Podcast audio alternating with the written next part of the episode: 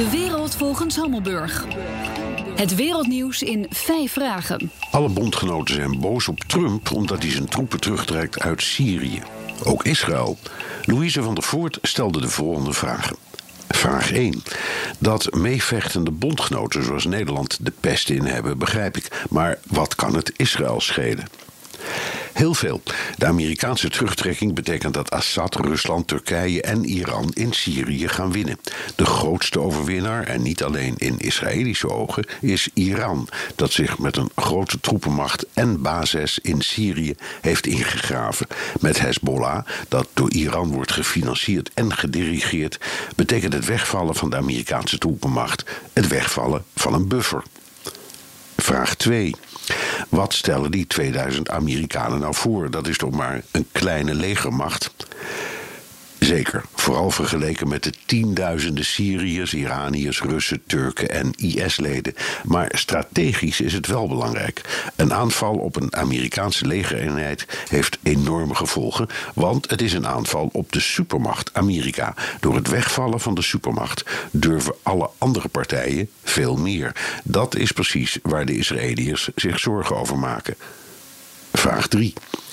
Kunnen de Israëliërs de strijd tegen Assad, Iran en Hezbollah aan? Israël heeft een kolossale, hypermoderne krijgsmacht met een steengoede militaire inlichtingendienst.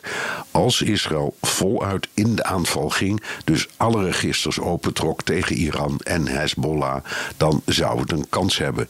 Dat is een aantal keren overwogen, maar nooit doorgezet, omdat het zou leiden tot honderdduizenden slachtoffers. En natuurlijk zouden de aangevallen partijen terugvechten en ook Israël zou enorme verliezen lijden.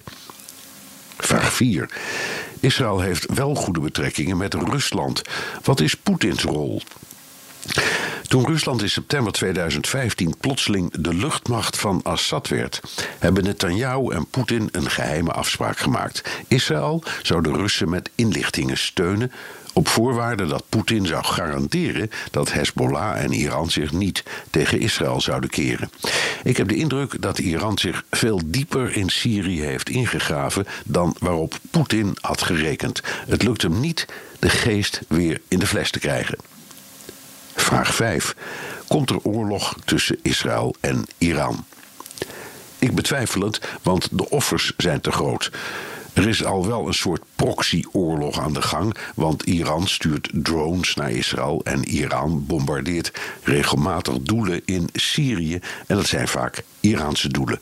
Dat zal na de Amerikaanse terugtrekking toenemen. Dank, Louise van der Voort. In de wereld volgens Hammelburg beantwoord ik elke zaterdag vijf vragen over internationale kwesties. Hebt u een onderwerp? Stuur dan een tweet naar @bnr of een mail naar onlineredactie.bnr.nl.